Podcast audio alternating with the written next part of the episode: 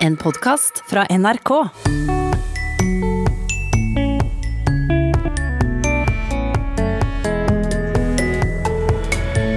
Øredøvende taushet og offentlig hemmelighet. Hva slags språkfenomen gir slike motstridende uttrykk? Dette her er en eh, ganske klassisk retorisk figur, oksymoron. Ja, og dette er bare ett av mange spørsmål vi dukker ned i arkivet og finner svar på i dag. Oksymoron er ikke så uvanlig. Vi eh, kan jo lure på om det vi snakker om nå er gamle nyheter. Vel møtt til Språkteigen. Hvert år får Språkteigen inn hundrevis av spørsmål om ord, uttrykk og språkfenomener. Våre faste språkvitere svarer jevnt og trutt på det døkk lurer på. I dagens Språkmiks så har vi plukka ut et knippe med spørsmål fra det siste året, med svar fra Toril Oppsal, Sylfest Lomheim, Tor Erik Gjenstad og Georg Kjøll. Og vi starter med et spørsmål vi fikk fra Per Espen Eid. Han sendte oss en avisartikkel med overskriften Øredøvende taushet fra Kulturdepartementet. Her må øredøvende ha blitt brukt feil, skrev han. Men så sjekka han litt mer, og fant ut at øredøvende stillhet er et oksymoron, så som for eksempel styggpen, offentlig hemmelighet osv. osv. Kan dere si litt mer om dette fenomenet, spør han. Ja, dette her er en eh, ganske klassisk retorisk figur, oksymoron. Og det er nettopp det at du sammenstiller to begreper som har veldig motstridende innhold. Eh, denne øredøvende tausheten, vi kan jo gripe fatt i den, da. Altså fordi at dersom noe er øredøvende, så vil det jo helt konkret gjøre ørene døve. Ja. Eh, og en øredøvende applaus pleier vi jo av og til å snakke om, Mm. og, det er et forferdelig lurveleven. Um, mens i noen sammenhenger så kan vi bruke øredøvende i overført, eller altså billedlig betydning, og da betyr det fullstendig eh, eller noe så innmari. Eh, og i den betydningen så er det mulig å koble det sammen med stillhet eller taushet. Så en øredøvende stillhet, den er påfallende og fullstendig. Oksymoron som retorisk figur er ikke så uvanlig. Vi eh, kan jo lure på om det vi snakker om nå er gamle nyheter. Det, det er det jo noe man diskuterer. Og der har du jo nettopp dette motstridende innholdet mellom at noe er, kan jo ikke både være gammelt og nytt. Eh, Og der har du også en, en sammenstilling av to vidt forskjellige og motstridende begreper. Og så kan jeg jo komme med et eksempel som mange Ja, jeg mistenker at vi bruker det. det er, du får holde for øra hvis du hører på og litt sart. Ja.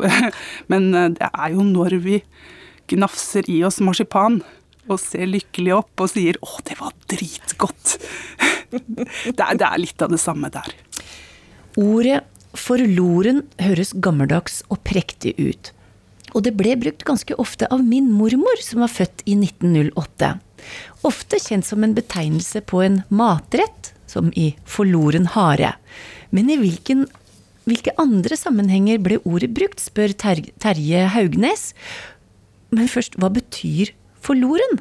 Det kommer fra tysk, og forloren på tysk er en partisipp av et verb, og det betyr rett og slett at noe er tapt, forloren.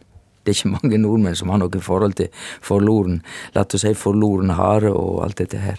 Men de få som har det, de veit jo at dette er liksom litt eh, fine, fine greier.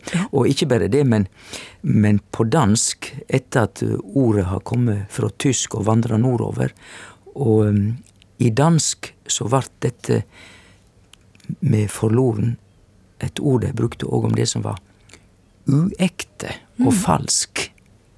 Og det kan vi skjønne, fordi at hvis du prøver å framstå som finere enn du er, så blir det uekte, ikke sant? Så i, i dans så kunne de til og med snakke om forlorent hår. Og det betydde at eh, kvinner da pynta seg med løse fletter. Men vi kjenner det nok som for eksempel forloren hare eller forloren skilpadde. Camilla Collett på 1800-tallet de skrev jo om oppskriftene for forloren skilpadde, og det var ikke måte på hvor vanskelig det var. Forloren skilpadde, og det betyr uekte skilpadde. Det var slettes ikke snakk om skilpadde, men de kaller det det for å løfte det veldig høyt opp. Men de brukte all slags kjøtt og, og, til og med fiskeboller og ø, andre ting for å få til denne retten. Og forloren hare er altså ikke hare i det hele tatt, men kjøttfarse. Så forloren i norsk, i den grad det er brukt, betyr noe som er, gir seg finere enn det det er, som ikke er ekte. Og den tydinga av forloren har fra dansk. Å legge sine hoder i bløt for å komme på noe smart, hvor kommer det uttrykket fra, spør Håkon Lavik, og ikke minst motsatsen, å være bløthoda, som indikerer å være umoden eller kanskje mindre begavet. Han utber nærmest en forklaring på hva, hvordan disse kan være så forskjellige. Ja, det er det er en veldig smart, eh, veldig god observasjon. fordi det er, det ett ord egentlig som går i to ulike retninger. Men hvis vi skal ta det siste av spørsmålet først, eh, så, så er ikke det med bløthodet det er ikke et sånn veldig vanlig uttrykk eh, på norsk. I hvert fall ikke i denne formen. Så vi finner igjen i skriftlige kilder. Men da i litt sånn mindre formelle sjangere. Så blogger og diskusjonsposter på internett og sånn. Men vi finner bløthjernet, eller hjernebløt, i ordbøkene som som innførsler. Da. Eh, og det, det, handler om det samme, eller at man er mentalt svekket. Og så kan vi også finne varianten å være bløt på pæra, eller en eh, eldre variant, bløt på pergamotten, i, eh, i Norsk Akademis ordbok. Hvor pergamott her er det samme som en bergamott, en type som pærefrukt. Og pære er jo ja, samme som bløt på pæra, da, en, en slang for, slangord for hodet. Ja. Og her handler bløt om egenskapen lettpåvirkelig. Eh, som, vi, som, kanskje er mer tydelig hvis vi ser på uttrykk som bløt om hjertet eller bløthjertet. Og i eh, de fleste skriftlige treffene på bløthodet så, så brukes det nesten synonymt med bløthjertet, egentlig. Eh, så denne senilbetydningen er nok ikke så, så vanlig. Men eh, ja, hvis, altså være bløt på pergamotten, eh, bløt på pæra, er, eh, har Naob da, som mentalt svekket og sløv, så, så det, er ikke, det, er ikke, helt ute. Det, det, det er en riktig observasjon at at det, brukes på denne måten som Håkon uh, sier. Mm -hmm. Mens legge hodet i bløt det handler om noe helt annet, egentlig. Det handler om at man ønsker å tenke hardt eller sette kreative prosesser i gang. Og her er, eh, her er opprinnelsen et, eh, en metafor som handler om uh, vask. Så når man putter skitne klær i bløtt, eller legger serviset i kummen med vann, varmt vann, så løser det opp skitt. Og eh, Kjell Ivar Vannebo, som, som, har skrevet mye om faste uttrykk, han viser til eksempler på dette eh, og det tilsvarende, tilsvarende legge, legge, hjernen i bløt, som går tilbake til 1500-tallet. Så, så, det er historisk etablert og tett forbundet med en ganske sånn dagligdags opplevelse som vi fortsatt har i dag, da, med, med vannets rensende effekt.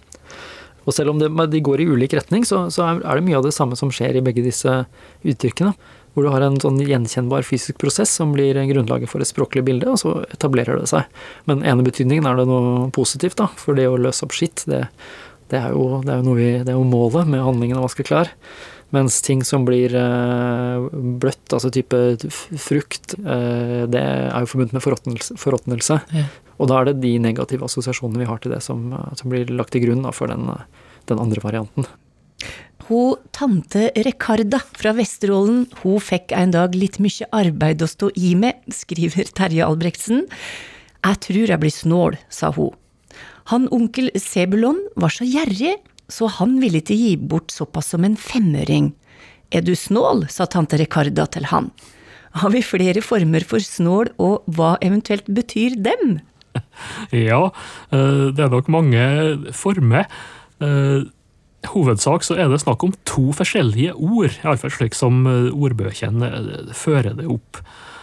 Og den her vanlige, da, snål i betydning rar, som eh, vel var den første her, som ikke arbeid at hun trodde hun var snål, altså helt, helt rar. Ja. Det er nå et ord for seg. Norsk ordbok fører opp fire hovedbetydninger av det ordet der. Det ene er jo da rar, merkelig. Nummer to det er artig, morosam. Og så er det ei betydning fortreffelig, velskapt, vakker. Og til slutt eh, kvikk, kjapp, smidig. Så alt det der er, mener de er varianter av samme ordet, og kanskje at det er i slekt med verbet å snu, med ei, altså hatt ei grunnbetydning rask. Og så er det da den her snål i betydning gjerrig, grådig, grisk, eh, småle. Det er sannsynligvis et annet ord. For det knytter seg til et verb å snåle, eller også bare å snå, som betyr å leite og snuse og liste og lure seg til noe. Og det, det er også vidt utbredt, eh, men det ser ut til at det har et østlig og et nordlig tyngdepunkt. Og det henger sammen med svensk, for svensk har jo snål i den betydninga gjerrig. Ja. Så det er to forskjellige ord, men eh, de har i seg sjøl greina seg i flere betydninger. Men så en liten nøtt. Vi sier svensken og dansken og nordmannen. Dette her er kanskje å føles som gammelt nytt. Altså, vi sier ikke norsken, skriver Finn Otto Arneberg. Men så hørte han en svensk reporter på radio som sa norsken.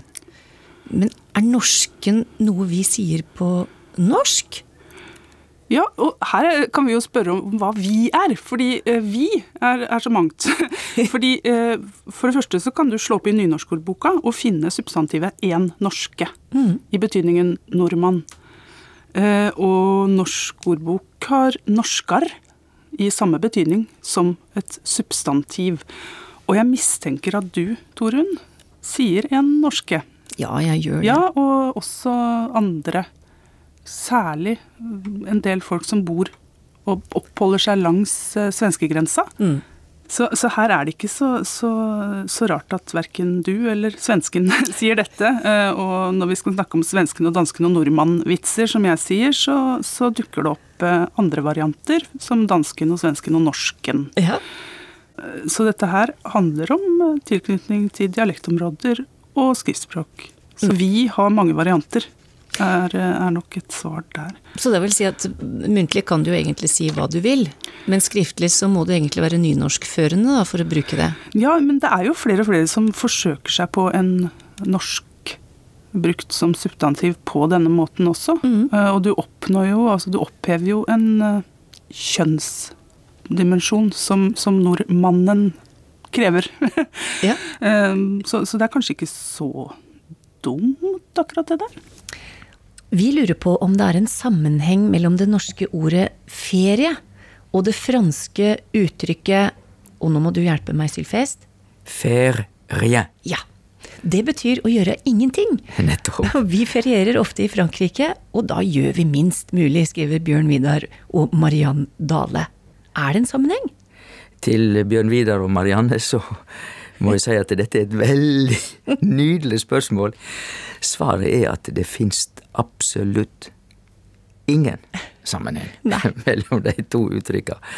Eh, ferie kommer rett og slett fra et ord på latin, og dette ferie er ordet på latin i flertall. Ferie, altså a er ferie, og det ble for 2000 år siden i eh, det gamle Roma brukt om de religiøse festdagene. Og det er klart at når det var religiøse festdager, så hadde folk fri. Og det de har på fransk, forresten, er de jour ferie, altså feriedager. Og der har de òg den samme bruken som vi har i norsk ferie. For de jour ferie, det er altså eh, fridager, festdager, på fransk.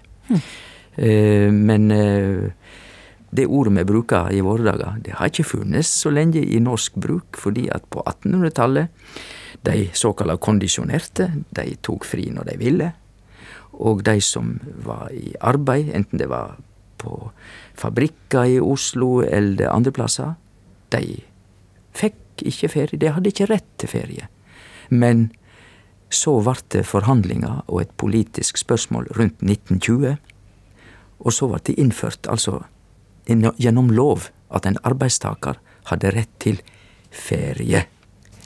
Min for lengst avdøde mormor kom fra Jæren og brukte uttrykket blikkere eller bligere aften om kvelden før Kristi himmelfartsdag. Kjenner noen til det uttrykket og hvor det kommer fra, spør Odd Einar Løland. Ja, det var interessant. Eh, For det må nå eh, gå tilbake på et verb bligra, som betyr å glimte og glitter eller blenke. Det er noe som skien, da.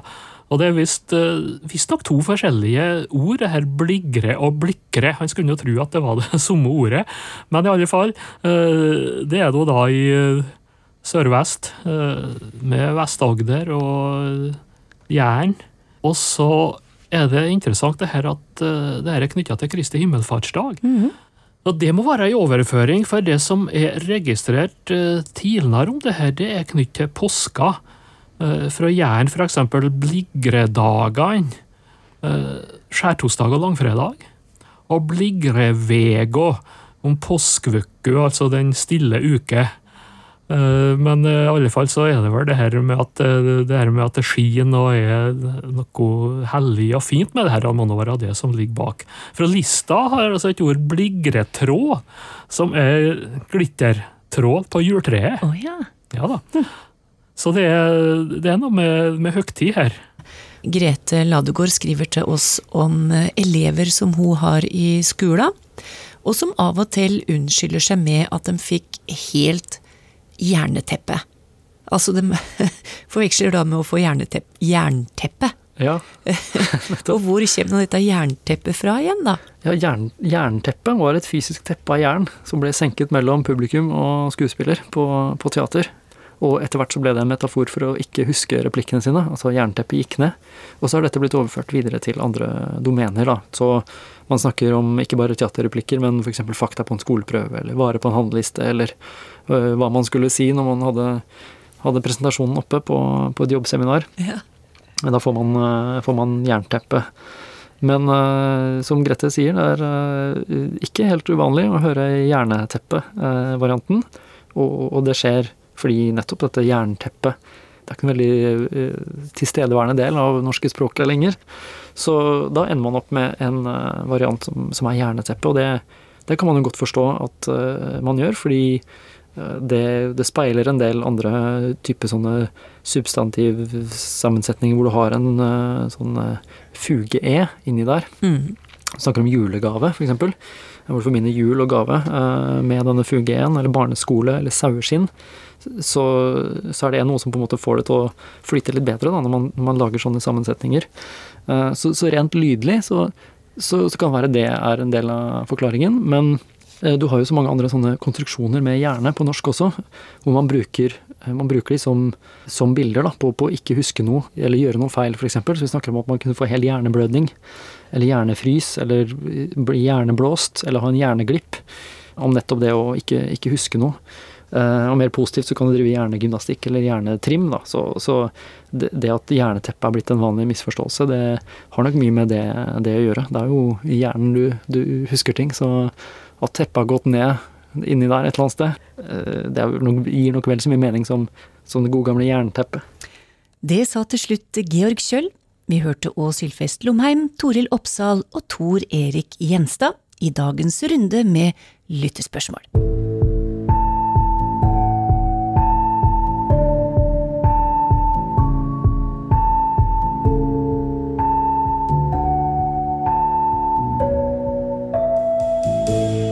Vi benytter sommeren til å lytte oss gjennom språktemaer i NRKs radioarkiv.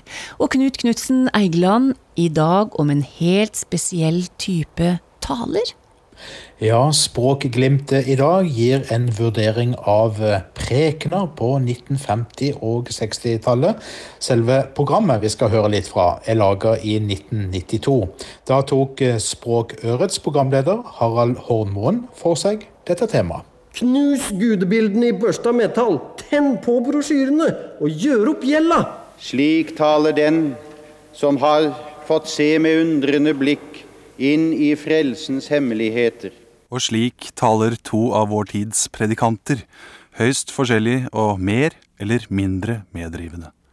Og vi spør, hva er det som fremmer kommunikasjonen mellom prest og tilhørere som er både innenfor og utenfor et kristent fellesskap?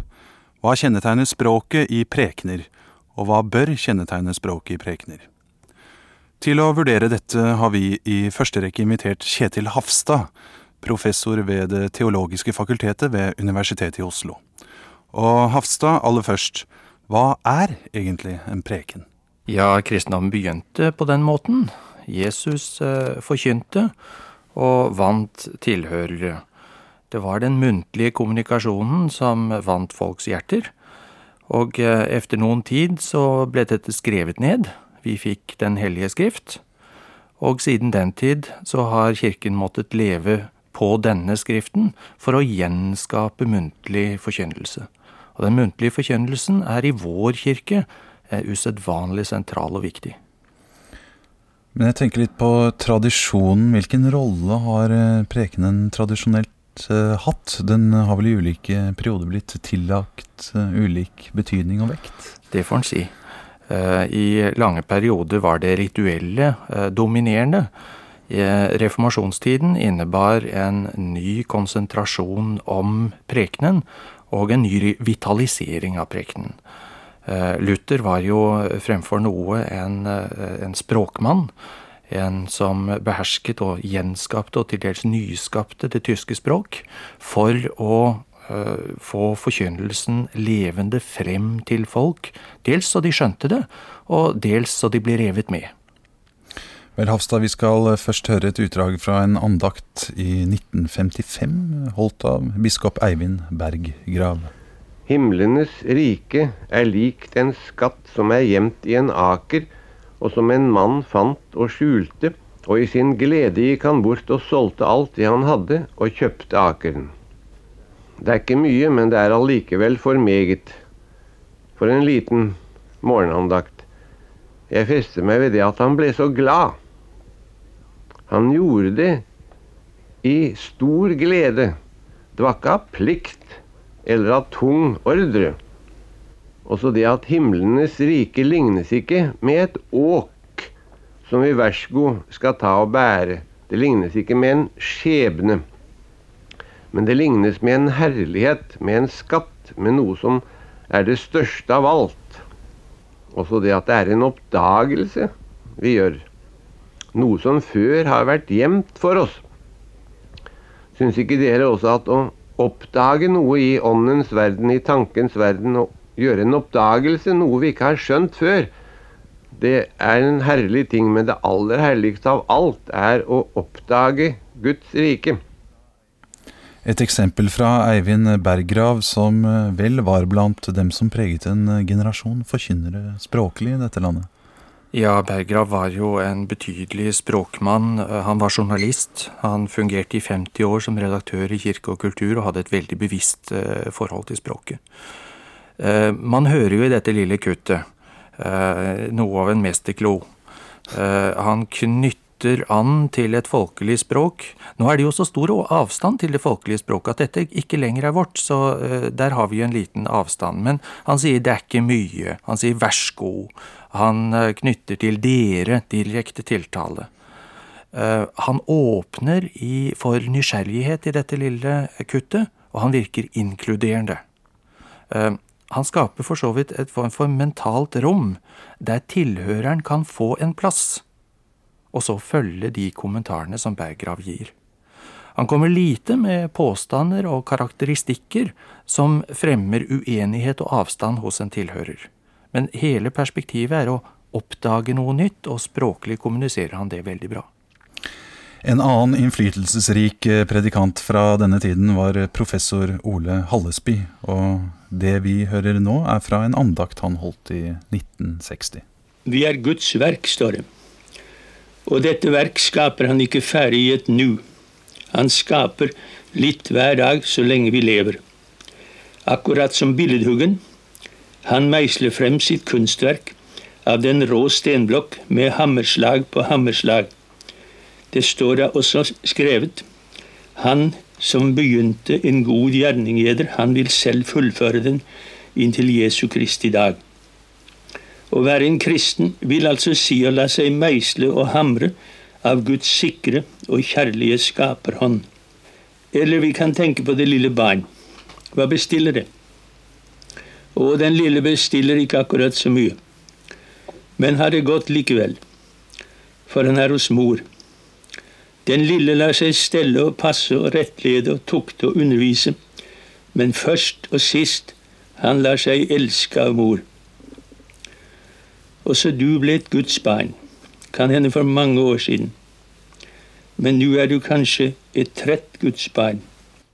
Noen hevder at eh, det som avgjør om en eh, preken når frem, er eh, levende billedbruk. Og bruken av bilder, av sammenligninger, var vel fremtredende her hos Hallesby? I høyeste grad. Dette er en mester i billedbruk. Man merker en korthuggen, tørr stil hos ham. Bildet er enkelt. Billedhoggeren framfor en uformelig sten og vi tenker umiddelbart hva vi selv har sett av vakre skulpturer.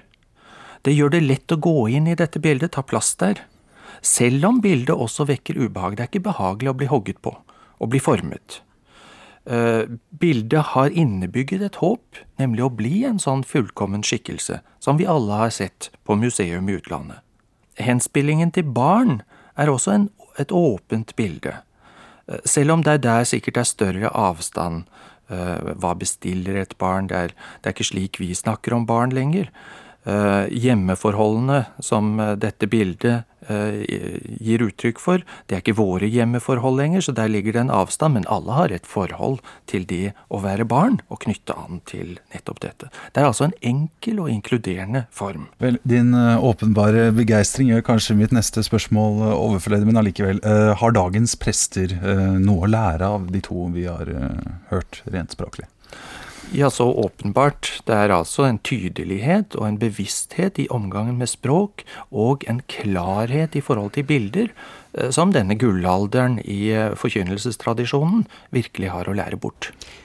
Vi hørte Kjetil Hafstad og Harald Hornmoen i Språkøret fra 1992. Men skal vi ta med et lytterspørsmål òg, Knut? Vi må det, for ja. lytterspørsmål det har jo vært eh, en vesentlig del av eh, språkprogrammene i NRKs eh, radiosendinger i alle år.